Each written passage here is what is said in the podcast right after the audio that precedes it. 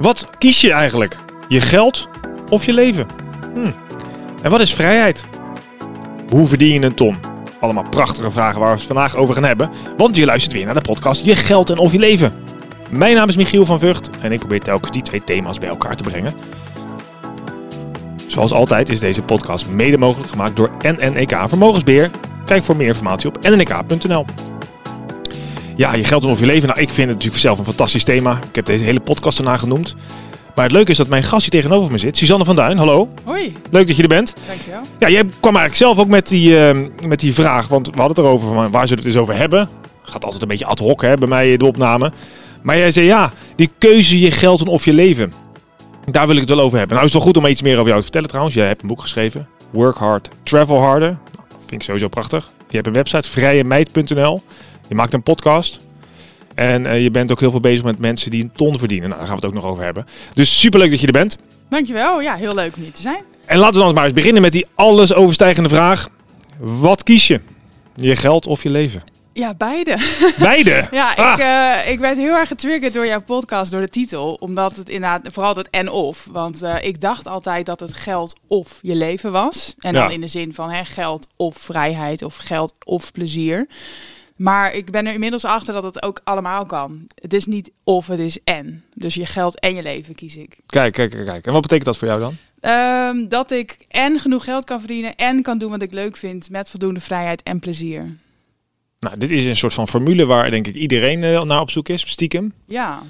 Ja, Eh. ik was er zelf ook naar op zoek. Ja, maar je zei toen we hier voor, voor de, voordat we starten met opnames, ja, eh, toen ik begon of zo, wat tijd geleden, dacht, dacht ik dat het een keuze was. Ja.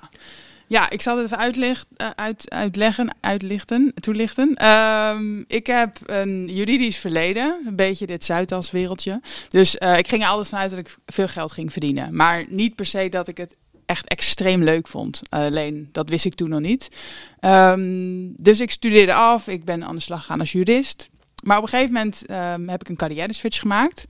En voor mijn gevoel gaf ik toen echt mijn financiële toekomst op Ja. omdat ik wegstapte uit de juridische wereld, had ik echt het gevoel dat ik dus die goede baan achter me liet, die iedereen toch wilde. Mhm. En dat ik dus koos voor mijn leven, slash mijn plezier of mijn vrijheid. Dus het was, je moest iets inleveren, maar ja, Ja. Oké, dit is, Ja. was een afweging, nou ja, dan maar geen geld. Ja, precies. Ik had echt het gevoel dat het een keuze was. En nou ja, ik ben in een in loondienst in een andere baan gegaan. En uiteindelijk ben ik daarin ook voor mezelf begonnen. En dat was helemaal weer zo'n stap dat ik dacht, nou nu... Nou, laat nu ik het geld ik- helemaal, ja, laat maar, ja, Nu douw ik echt af in de sociale ladder. ja precies. Ja. Ja. ja, misschien eh, zegt vooral iets over mezelf natuurlijk. Maar ik had echt het gevoel van, nou ja, hè, het geld eh, laat ik dan even voor wat het is. Dat is gewoon niet mijn drijfveer. Ik ga doen wat ik leuk vind. En dat is ook wat mensen vaak roepen. Hè, van, ik verdien niet genoeg geld, maar ik doe iets wat ik leuk vind. Of hè, je, je hebt vrijheid, dus je... je Maar het is denk ik wel, als je moet kiezen dan, als ik flauw mag zijn. Ik denk dat je beter je kunt kiezen voor dat je het leuk vindt en weinig geld, dan heel veel geld ja, en iets doen wat je niet nou leuk als vindt, je toch? moet kiezen zeker, maar, maar je moet niet Je hoeft niet kiezen. kiezen, nee, precies, dat is jouw punt, dat ja. je moet kiezen? Nee, nee. Nee, dus en daar ben ik gelukkig ook eh, best wel snel achter gekomen. Want ik begon dus voor mezelf als freelancer eh, in de ja, media- en contentwereld. Dus dat is ook niet echt per se een vetpot, dacht ik. Dat is wat ik altijd hoor en denk. Ehm, maar ja, als je gewoon een beetje een oké uurtarief hebt en je hebt genoeg klanten, ja, dan verdien je op zich best wel snel. eh, eh, in ieder geval een paar duizend euro per, per maand. Dat is gewoon prima te doen. Ja. Ehm, en toen heb ik een beetje een sommetje gemaakt van nou, als ik mijn uurtarief verhoog en ik hou inderdaad zoveel en zoveel klanten. Nou ja, volgens mij, volgens mijn berekeningen zit je dan al snel op 6000 euro omzet eh, met niet al te veel kosten. Ja, prima toch? Ja. Eh, en dan heb ik ook vrijheid. Dus dat, dat eh, opende eigenlijk deuren voor mij. En mijn drijfveer eigenlijk om voor mezelf te beginnen was omdat ik eh, meer wilde kunnen reizen. En die vakantiedagen in loondienst die bevielen mij echt niet. Eh, dus als, als, ja, als ondernemer had ik natuurlijk niet een baas die ik om toestemming moest vragen. En ik kon reizen wanneer ik wilde. Ja. Ook omdat ik mijn werk overal kon doen. Want ik had locatie onafhankelijk werk direct. Ik heb een computer doet het overal Ja, natuurlijk. nou dat zien we nu Ja. met corona. Iedereen kan opeens op afstand werken. Ja. Eh, maar bij mij was het kwartje nou, dus in 2016 al gevallen. Ehm, dus ik nam alleen klussen aan die ik overal kon uitvoeren. En daardoor heb ik heel veel kunnen reizen de eerste jaren dat ik voor mezelf werkte. Eh, ehm, ja, ondanks dat ik eigenlijk helemaal niet zo super eh, veel verdiende. Nee. Nee, en dan toch, dus, maar ondanks dat je Eh, eh, en je hoefde dus die keuze ook niet te maken, want het geld kwam wel. Het was, en, en je kon ook nog het leven leiden wat je wilde. Ja, nou, het is, het is niet dat ik miljonair was hoor. En ook nu is niet eens nodig nee, misschien. Nee, maar, maar precies. Dat is ook ehm, een van de ja, learnings die ik uit het boek uh, The 4-Hour Workweek heb onthouden. Van mensen die denken altijd van, oh, ik wil miljonair zijn, want dan heb ik inderdaad vrijheid om te doen wat ik wil. Ja, ja. En dan vraag ik, ja, maar wat ga je dan doen? En dan, ja, uh, mooie reis of zo. Maar dan denk ik, ja, maar dat kan ook, kan ook met een modaal salaris. Ja. Kan ook met, met, met heel weinig. Um, dat is een beetje het verhaal van die Mexicaanse visser, toch? Dat verhaal staat misschien ook in dat boek, toch? Je dat? Dus dan uh, die Mexicaanse visser, die is lekker op een bootje te vissen. En dan komen er een paar Amerikanen langs die zeggen, joh. Ja. Uh, en dan, nou, de bottom line is eigenlijk, die zeggen, ja. ja als je nou nog beter vist. En dan Ja. koop je een tweede bootje erbij, en een derde boot en een vierde boot. En dan uiteindelijk zegt die Mexicaan van, ja oké, dan heb ik heel veel boten. En wat kan je dan doen? Nou, dan kan je lekker op een bootje gaan zitten vissen. ja, precies. Oh, oh, voor mij doe ik dat nu. Ja, ja, ja, exact. Ik heb het boek uh, laatst nog een keer gelezen en dit verhaal ken ik nu. Ja, ja, ja, dus het is precies. Je hebt vaak al veel meer mogelijkheden dan je misschien realiseert. Ja, dus precies. Ik wil aan de ene kant mensen laten zien van, hè, je kan ook met uh, freelancen of wat je maar wil. Je kan ook genoeg geld verdienen met iets wat je leuk vindt. Maar tegelijkertijd, je hoeft niet altijd heel veel geld te verdienen om te doen wat je leuk vindt. Nee. Is een beetje dubbel op. Ja, is dat zo dan trouwens? Is het niet duur om te reizen? Reizen lijkt mij uh, gigantisch duur. Nou ja, je kan het zo duur maken als je zelf wil. Kijk, misschien Mozambique is misschien wat duurder waar jij heen wil. Maar uh, in principe als je goedkope landen kiest, zoals Thailand, Indonesië... Uh, en je werkt natuurlijk ook zoals ja, ik ja. op reis, dan komt, blijft er ook gewoon geld binnenkomen. Dus Ja. je teert niet in op je spaargeld, omdat je gewoon uh, Ja. genoeg verdient om daarvan te leven. Weet je, als je daar voor 1000, 1500 euro per maand kan je prima leven als je in uh, Chiang Mai zit of ja, Bali. ja, ja, zeker. Um, ja. Dus ja, dan heb je niet heel veel nodig. En dan leef je als een god.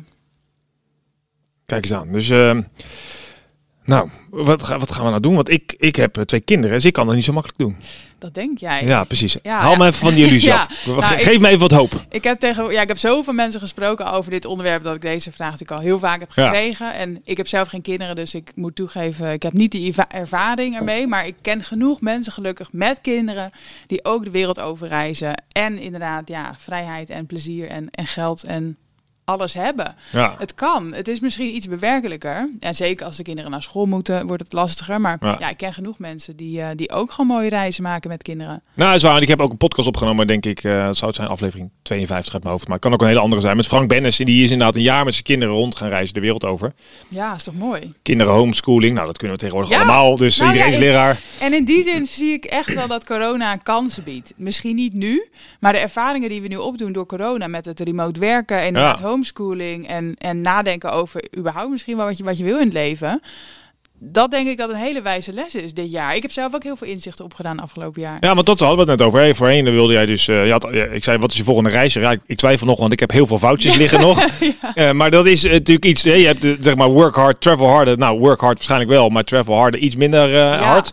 Eh, wat heb je nou in deze afgelopen jaar zo geleerd? Ja, nou inderdaad, het heeft me echt wel veel eh, inzichten gebracht. Voorheen was inderdaad mijn motto echt work hard, travel harder. Dus ik, ik werkte gewoon altijd gewoon hard. Ja, prima zeg maar. Effectief ook. Eh, maar ik reisde ook heel veel. En ik, ik, heel, ik hè, had ook wel een goede balans tussen work en life. Ehm, maar ja, dat, dat travel harder viel even weg sinds corona. En, en afgelopen jaar was het bij mij gewoon echt work hard, work harder. Ik heb echt heel hard gewerkt. ja, ja, precies. Ook wel denk ik een beetje uit ehm, verveling soms of noodzaak of, of ja, je moet wat. aan beter. Ja, en de- ook omdat ik gewoon heel erg geïnspireerd ben om de, ja, met de dingen die ik doe. Ik doe gewoon wat ik leuk vind, dus ik vind het ook heel leuk om te werken. En ook misschien in het begin wel een beetje onzekerheid, dat ik dacht van ja shit, straks stort mijn bedrijf in of hè, nu ik- snel verdienen, want dan heb ik het vast. ja, ik bedoel, je moet wel, ik wil wel gewoon mijn eigen broek op kunnen houden en mijn mijn bedrijf redden of zo. Ja, ja, Hè, in het begin wist niemand wat er ging gebeuren. Voor Nee. hetzelfde geld bleven alle klanten weg. Dus ik wilde wel echt eh, meteen wat ideeën ontplooien en ehm, Ja. ja, zorgen dat ik eh, genoeg inkomen bleef hebben. Ja, ja, precies. En wat, maar wat heeft, heb je nog wel het gevoel van nou, dat, dat travel harder is wel iets wat echt in mij zit? Dat moet weer terugkomen? Ehm, Of heb je ook andere... eh, dat je Nou, nou ja. een beetje van beide. Kijk, ik, ik ben niet genezen van het reisvirus. Eh, ik wil nog steeds heel graag eh, veel reizen, of meer reizen, of blijven reizen.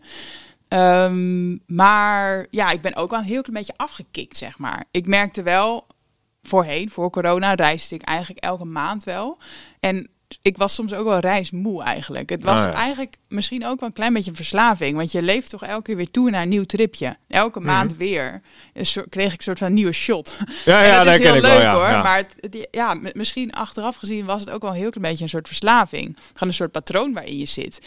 En dat ik ook echt onrustig werd als ik dan een paar maanden niks Geen nieuwe ervaring. had. En ik weet nog wel, toen mijn boek dus uitkwam, had ik op dat moment al een record van volgens mij vier maanden had ik niks ge- niet gereisd. Heel hard aan mijn boek gewerkt. Dus kwam mijn boek uit en dan zou ik daarna naar Marokko gaan. Ja. En toen kwam corona en werd die reis last minute gecanceld. En ik, ja, ik- dat, dat kwam echt als een klap in mijn gezicht. Dat ik echt dacht van ja, uh, Ik, heb dit verdiend. Nee, ik heb echt een soort van marathon gerend en nu wordt de finish uitgesteld. Zo voelde Ja, ja, het. precies. Ja. En het klinkt allemaal als, als luxe probleem. Dat, dat is het ook natuurlijk. Maar het voelde op dat moment wel echt van... Oh, jezus, wat...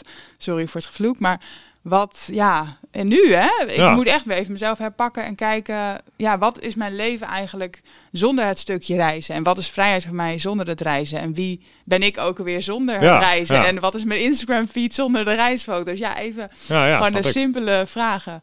Maar ja, je gaat je leven gewoon weer anders bekijken en denken, ja, wat is voor mij belangrijk? Heb je dan En, nu een eh, ander beeld van eh, de vraag wat is vrijheid? Is dat veranderd? Ja, ja, en ook misschien uit noodzaak, maar Nou ja. misschien ook gewoon echt. Ja, voor, vrijheid was voor mij eigenlijk voorheen vooral reizen. Op reis voelde ik me gewoon helemaal vrij, lekker op mijn scooter. Of eh, Ja, als ik het vliegtuig zo voelde opstijgen, dat ik helemaal zo glans op mijn gezicht kreeg.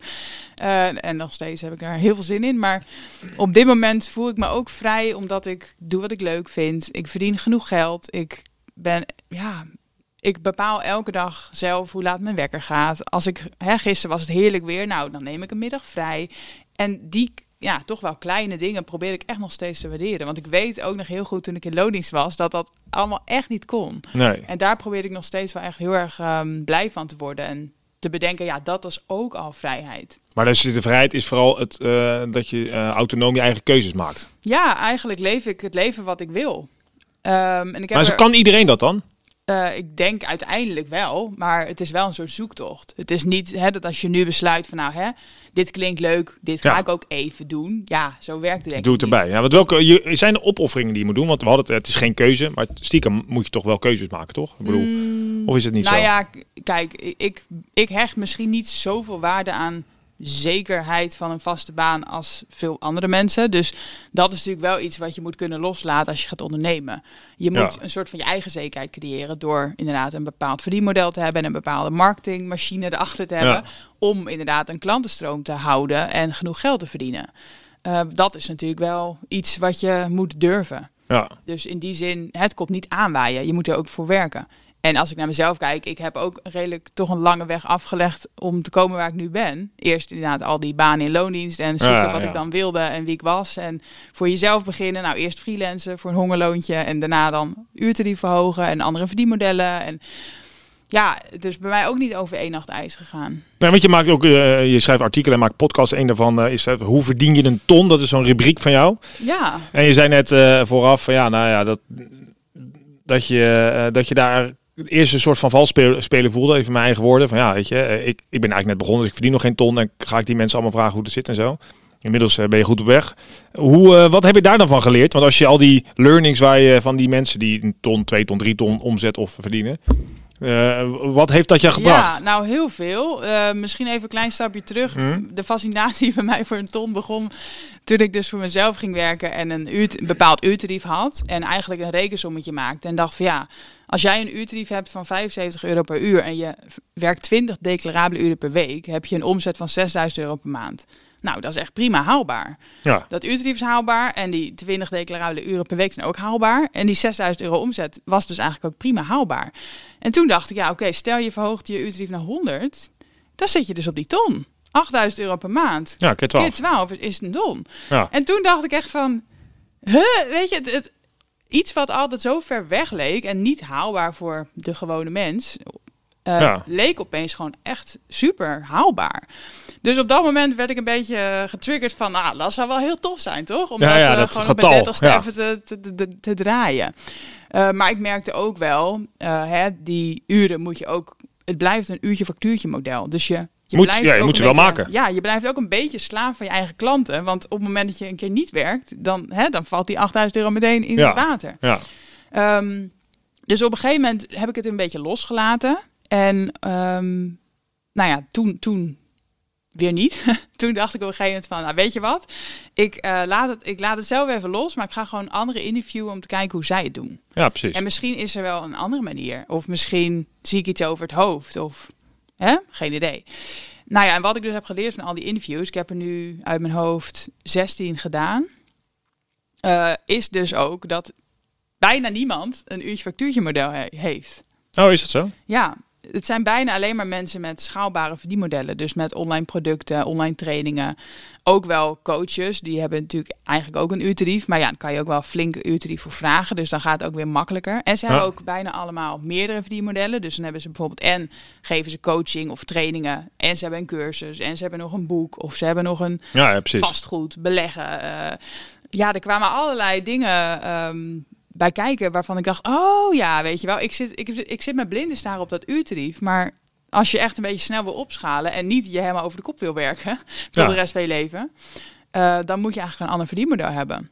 En dat ben ik zelf ook eh, gestart vorig jaar. En nou ja, dan zie je ook dat het snel kan gaan. En dat je gewoon, als je even een goede lancering draait, dat je veel meer geld kan verdienen dan met uurtje factuurtje. Terwijl je Niks niet minder hoeft te harder doen. werkt. Ja, ja. Ja. En dat is dan met een eh, online programma bijvoorbeeld ja, of ja, iets dus ik heb inderdaad een cursus gemaakt vorig jaar dan. Die aansluit weer bij mijn, boek, bij mijn eerste boek. En ik heb nu dan een soort van online coachingprogramma... waar dan wel ook nog één op één ehm, live coaching zeg maar, bij zit. Maar dan met een groep. Dus Ja. dan is het ook al veel schaalbaarder weer. Ja, Dus nou ja, zo ben ik wat dingen aan het bedenken. En ook, nou, ik heb natuurlijk een boek geschreven. Nou, dat is ook iets wat je één keer doet. En daarna krijg je dan jaarlijks die royalties. Nou, dat valt tegen. dat valt hoor. tegen, hè, dat weet ik Valt als uh, tegen, boekschrijver. maar Ja. het is allemaal weer extra. Het, is, het komt er allemaal Het werkt bij. allemaal wel mee, Ik ben begonnen met beleggen. Nou, ik, ik pak daar niks van. Dus ik, ik word daar op zich niet rijk van in mijn inkomen. Maar ik bouw wel vermogen op. Ja, dus ja. nou ja, zo ben ik allemaal stapjes aan het nemen. En dat heb ik echt wel onder andere door die interviews eh, Dus dat is meer, meerdere, dus hoe verdien je een ton? Nou, doe meerdere dingen tegelijk eigenlijk. Ja, terwijl eigenlijk hoor ik, nou ja, in mijn omgeving dan altijd iedereen roepen: kies, een, kies één ding en focus. En de maatschappij wil toch dat je specialist bent, volgens mij. Nou ja, maar goed, je kan specialist zijn op een gebied, maar wel met meerdere manieren dat Ja, precies. overbrengen, toch? Ja, nou, dat is exact wat ik voor mijn gevoel ook nu doe. Voor, ik vind het dat heel overzichtelijk wat ik allemaal doe. Uh, ja, ja, ja. Maar ik doe ook heel veel verschillende dingen. Maar eigenlijk is de kern allemaal vrijheid. Ik help mensen naar een vrije leven. En dat doe ik met mijn blog, doe ik met mijn podcast, doe ik met mijn boek, doe ik met mijn cursus, doe ik met mijn coaching. Ja, ja, precies. Dus ja. eigenlijk vind ik het heel overzichtelijk. Oké, en mensen die nu luisteren denken, ja, ik zit nog in loondienst. Eh, nou ja, ik, ik vind het misschien nog wel leuk ook. Zou nog wel kunnen. Gun ik de mensen in ieder geval, hè, dat je het leuk ik, vindt. ik wil ook absoluut niet anti-loondienst zijn hoor. Nee, maar ja, kijk vooral wat voor jou werkt. Ja, en dan, ehm, maar hoe, eh, en wat de mensen die je dan in je online cursus helpt of gewoon één op één, wat zijn dan vaak een soort van eh, no-brainer tips waar mensen niet aan denken? Van ja, ja, dat is waar. Zo kan ik al een stukje vrijer, een vrijere meid worden. Ja, ehm, nou voor mij is ondernemen eigenlijk gewoon de sleutel geweest. Eh, en ik wil dat niemand opleggen. Maar ja, als je mijn tip wil, ga ondernemen. Dat geeft gewoon heel veel vrijheid. Als je eigen baas bent, Ja, bepaal je eigen werktijden, bepaal je eigen werkplek, bepaal je vakantiedagen, bepaal je uurtarief. Voor mij is dat ehm, de ultieme tip. Maar goed, dat klinkt misschien ook wel heel groot. Want ja, oké, een eigen bedrijf starten. Heel veel mensen worden daar helemaal... eh, nou ja, het heeft natuurlijk wel impact. Moet allerlei dingen doen. en, wel, eh, wow, eh, oké. Dus mijn eerste tip als je een bedrijf start is altijd... hou je niet bezig met een logo, hou je niet bezig met een website... hou je niet bezig met een huisstijl, bla bla bla. Focus gewoon op de eerste klant vinden. Dat is uiteindelijk het allerbelangrijkste. Ja, ja. eerste klant, die betaalt je rekening. Dan ben je begonnen. Ja, en dan kan je nog zo'n mooie website hebben... maar nobody cares als jij niet... Nou ja, als je eh, die ook hè? niet in de lucht kan houden Nee, natuurlijk. Als je niet uiteindelijk gewoon je werk doet. Maar als jij, toen jij begon, hè, jij begon met een hongerloontje, zei net. Je moet ook keuzes maken waar je denkt, nou ja, oké, ik, ik ga morgen beginnen voor mezelf. Dus ik, alles wat ik heb valt weg. En dan moet je ook gaan schrappen in het begin. Wat moet je? Schrappen. Ja, nou, ik, heb, ik zou wat dat betreft ook niemand adviseren om... als je dit hoort te denken van... Oh, Ah, ik bel nu mijn baas en eh, doei. Nee, ja, dat zou ik... eh, Ik ben zelf re- redelijk eh, enthousiast en impulsief, maar niet zo. Dus ik heb ook niet dat van de een op de andere dag gedaan. Ik heb gefreelanced naast mijn loondienstbaan. Ja. Dus ja, dan begin je een beetje wat op te bouwen. En op een gegeven moment moet je dan wel in het diepe springen. Want heel veel mensen vragen dan, of vroegen mij toen van... verdien je al genoeg dan om je baan op te zeggen? Nee, maar als ik die baan niet opzeg, ga Ja, ik ook niet genoeg Nee, verdienen. dan heb je niet genoeg uur. Nee, maar heel veel mensen die zijn bang om dan eerst hun baan op te zeggen, voordat ze genoeg verdienen. Of hè, eh, net als met investeren. Je moet eerst investeren en dan verdien je het terug. Maar mensen die willen dan eerst het verdienen, Ja, dan pas Ja. investeren. Maar soms moet je het echt omdraaien. Dus dat zou ook wel een tip zijn om eh, soms toch Dan gewoon beginnen met een soort durven. pootje baden. Ja. Kijken of je het leuk vindt. Hè? En dan kan je altijd nog zeg maar, ik eh, doe mijn en- bandjes af. Nou ja, en- en dat is ook goed dat je dat zegt. Ja, kijk of je het leuk vindt. Want ehm, ik heb ook het gevoel dat mensen soms denken dat ze nu iets moeten kiezen voor de rest van hun leven. Zo van, hè, nu ga ik deze weg in en er is no way back of zo. ja, ja, Maar ja. ja, probeer het gewoon. Als het niks is, ga je gewoon weer terug in loondienst, toch? Wat heb je te verliezen? Wat is het ergste dat kan gebeuren, zeg ik altijd tegen die mensen. En dan is het eigenlijk niks. Nou ja, precies. We maken dingen natuurlijk altijd veel groter. En we proppen alles op een soort van, als je de toekomst in kijkt, en alle problemen die mogelijk in de toekomst, die trek je allemaal naar morgen toe. Ja, maar, wat, ik- maar wat zijn dan die problemen? Nou ja, weet ik veel. Ik moet mijn huis uit en ik kan mijn eten niet meer betalen en ik kan nooit meer... Ja, dat gaat wel heel ver, toch? nee, ja, natuurlijk. Maar, hè, dan als je het maar goed, nou, goed maar, eh, eh, genoeg beren ziet en je ziet ze allemaal Ja. vlak voor je staan, dan kan ik me voorstellen dat het ook verlammend werkt. Nou klopt, op, in die zin heb ik ook altijd de tip van ken je eigen beperkende overtuigingen. Van hè, welke beren heb jij op de weg? Ja. Want dan kan je ermee aan de haal. En als je niet bewust bent van wat je dan stiekem allemaal tegenhoudt en welke excuses je allemaal verzint in je hoofd, ja, dan, dan ga je ook niet de stap zetten. Dus dan kom je er ook gewoon niet. Nee. Dus ga onderzoeken, wat houdt me nou echt tegen? Wat is het ergste wat kan gebeuren? En hoe zou ik dat kunnen oplossen? Is het nou echt zo erg? En hoe kan ik het misschien wel ondervangen? Hè, misschien als jij inderdaad bang bent van straks vind ik geen klanten en he- heb ik geen eh, inkomen. Nou ja, hoe kan je het ondervangen? Door een kleine financiële buffer aan te leggen voordat je die knoop Ja, precies. zodat als je niet meteen een klant vindt, dat het niet een ramp is. Dat Ja. geeft zoveel rust. Geld geeft zoveel rust. Nou ja, precies. Want daar hadden we het ook over. Dat kijk, bij eh, NNK, waar, waar we nu opnemen, vinden wij het heel belangrijk dat... kijk, wij beleggen natuurlijk voor onze klanten. hè. Maar ja, dat beleggen is eigenlijk helemaal niks waard als je niet weet waar je het voor doet. Dus wij zeggen altijd met een adviseur, want dan maak je een plan. En als je een plan hebt, dan geeft dat financiële rust. Dat is een van de basispijlers tot emotionele rust. En dan Ja. kan je het leven leiden en vrijheid voelen. Eh, en dat zei je eigenlijk ook al. Ja, je, je hebt zelf ook wel gemerkt wat geld eigenlijk doet als je het niet hebt of wel hebt. Of als je in ieder geval rust rondom hebt. Ja, nou zeker. Ja. Ik, eh, nou ja, in het begin had ik dus een hele kleine financiële buffer. Maar genoeg om het even gewoon twee, drie maandjes te proberen. En ik had zoiets van, nou, als het dan niet lukt, dan heb ik precies die tijd om weer een baan te vinden. ja, Weet je, precies. Eh, laten we eerlijk zijn, in Nederland is er altijd wel iets te doen aan werk. Mhm. Je kan altijd wel ergens eh, een baantje krijgen. Dus ehm, ja, misschien niet je, je, niet je droombaan, maar er is altijd aan geld te komen. ja. Dus eh, dat was voor mij gewoon een soort safety net. Dat ik dacht, ja, dat kan altijd. Dus dat is ook wel iets wat je, en dat vind ik zelf heel belangrijk. Dus, eh, maar dat is misschien een beetje mijn zekerheid. Hoewel ik dat niet zeker weet eigenlijk. Maar het is wel lekker als je vanuit financiële rust beslissingen kunt nemen. Ja, nou zeker. Ik heb nu ehm, dat ik mezelf af en toe probeer te vragen van... als ik nu een miljoen op de bank had, deed ik dit dan ook? Ja, precies. En tuurlijk, dat is een heel mooie, nobele of idealistische vraag om te stellen. Want dat is nu niet zo. dat is een hele goede vraag. Maar dan heb je wel vaak je antwoord. Doe je het om het geld of doe je het omdat je het ook echt leuk ja, vindt? ja, de staatsloterijvraag is dat eigenlijk. Hè? Ja, Wat of zou hè, wat zou je nou het veranderen als je nu een miljoen op de bank kreeg? Nou, ik zou echt zeer weinig veranderen aan mijn leven. En dan weet je dus van, nou, oké, ik ben echt op de goede Ja, weg. doe de goede dingen. Ja, ik ja. doe dus blijkbaar wat ik leuk vind. Nou ja, sowieso zijn dat die vragen die ik ook al eens eerder heb genoemd. Van joh, ja, in het financieel adviesvak zie je vaak adviseurs die vragen aan de klant drie dingen. Eén is de staatsloterijvraag, zoals, ik hem, zoals jij hem ook net noemde. Wat nou als je 20 miljoen wint of zo? Ja. Of een miljoen, weet je. Wat ga je dan doen? ja, Ja, naast de boot en zo, maar meer wat veranderen in je leven. Maar de tweede vraag is ook altijd wel interessant. Van, ja, stel nou je voor, je hebt nog maar vijf jaar te leven. De dokter zegt dat, ja, sorry, slecht nieuws. Vijf jaar, max tien jaar, maar wel minimaal vijf jaar een goede gezondheid. ja, ja, die vraag heb ik ook ehm, altijd in mijn hoofd of zo. Ja. Ik, ik weet niet helemaal waar dat vandaan komt bij mij, want ik heb nooit iemand in mijn omgeving verloren op jonge leeftijd of zo. Dus, maar ik heb juist altijd gehad van die verhalen hoorde, hoor je altijd bij anderen. En waarom moet ik wachten tot een van mijn directe familieleden overlijdt of Ja. vrienden... Voordat ik mijn droomleven ga leiden. Waarom moet ik wachten? Nou ja, sterker nog, ik bedoel, eh, ik gun niemand het, maar ja, uiteindelijk gaan we sowieso allemaal dood. Ja. Dat is wel een zekerheid tot, nu- tot nu toe in ons leven. Ja, En eh, ja, het kan zomaar binnen vijf jaar zijn. Er gaan mensen natuurlijk op jonge leeftijd eh, overlijden, helaas. ja, En voor geld. eh, ja, dus het is best een goede vraag. Wat zou je doen als je weet dat je nog maar vijf jaar hebt? nou daarom, precies. En na vijf jaar is wel ook interessant, want het is net te lang om te zeggen, nou ja, ik ga alleen maar vliegen fluiten. Ja, ja.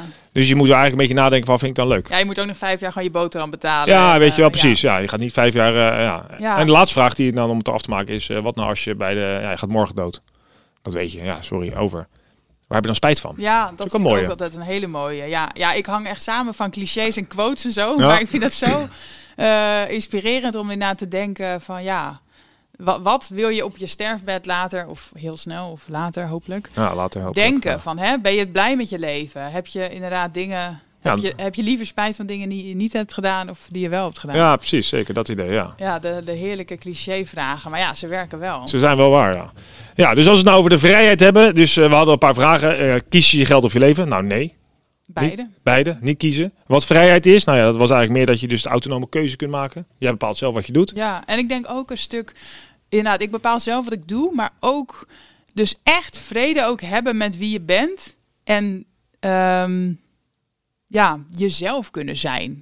Ja, ook zo heerlijk cliché. maar- Heerlijk, ja. Maar dat merkte ik een beetje, wat ik ook in het begin zei, van dat ik eerst het gevoel had van, oh, ik, ik daal op de sociale ladder. Oh ja, Iedereen vindt ja. me nu zielig en ik, ik heb geen aanzien meer of zo. Ja. Eigenlijk is dat natuurlijk super onzeker. En Mhm. Super mezelf laten afhangen van wat anderen wel niet van me Zeker. zouden denken. En nu doe ik gewoon 100% wat ik wil. En iedereen vindt er toch wel wat van, maar ik, het maakt me niet meer uit. Nee, dat is En ook goed. Dat geeft ook een heel vrij gevoel, hè? Dat je niet dat je ik voor jezelf ook- doet, dus. Ja, nou zeker. En ik denk dat dat ook een belangrijk stukje is of zo. Wat ook, ook eigenlijk Ja. pas afgelopen jaar ook weer viel bij mij van... Ah ja, Ja. Dat, dat is ook nu vrijheid. Ken Ja. jezelf is misschien ook wel weer een heel Ja. cliché, maar ja. Nou, en dat helpt ook mee om te bepalen wat je dan wil gaan doen. ja. Want veel mensen die denken wel, oké, een eigen bedrijf lijkt me inderdaad ook leuk. Maar wat kan ik dan doen? Mensen weten niet zo goed wat ze dan kunnen doen. Ze zien hun eigen talenten niet. Mensen kennen zichzelf ook bijna niet meer, denk ik soms. Nou ja, je kijkt heel erg naar anderen. Oh, dat Ja. heeft zij, dat wil ik ook. Of dat heeft hij, dat vind ja, ik mooi. en we worden zo in een soort van, weet je, hè, het normale plaatje. Je gaat eh, naar school, je gaat studeren en je zoekt een goede baan hier op de Zuidas en eh, check. Je koopt een auto en krijgt twee kinderen. Ja, klaar. Maar we, we denken bijna niet meer na van, oh ja, wat wil ik eigenlijk? Wie ben ik en wat wil ik? En eh, alle opties zijn er, hè? Ik bedoel, je, je kan zelf kiezen. Je hoeft niet mee in dit straatje. Nou, maar dat is denk ik wel de, dat zei ik in mijn TED, TEDx, van als je nou een echte definitie van vrijheid hebt, dan is het dat je zelf mag kiezen wat je wil. Ja, nou, eens. En dat hebben wij in ons land. Ja, en, en daarom, het lijkt soms een luxe probleem wat we hier allemaal hebben. Maar tegelijkertijd denk ik, ja, we hebben die, het voorrecht om te doen wat Zeker. we willen. Dus gebruik het alsjeblieft. Het, er is geen reden om ontevreden te zijn hier en niet een baan te hebben die je leuk vindt. Dat lijkt me een perf- perfect einde. Ja, nou, heel goed. Wil je meer weten? Kijk op vrijemeid.nl. Koop sowieso het boek Work Harder, Travel Harder. En eh, hou eh, Suzanne de Instagram in de gaten, want er komt een aankondiging. Of die is misschien nog geweest als je dit luistert. Ehm, absoluut de moeite waard. Onwijs bedankt dat je er was. Ja, heel erg eh, graag gedaan. Dankjewel. Ja, jullie bedankt voor het luisteren. Ik sta altijd open voor tips, ideeën, opmerkingen, vragen. En ik vind het super lief als je deze podcast deelt. Mag overal. En als je helemaal niks te doen hebt, waardeer hem dan met een paar sterren op Apple. Dan wordt je beter gevonden. Hey, bedankt voor het luisteren. Ik wens je een hele fijne dag. Tot volgende week.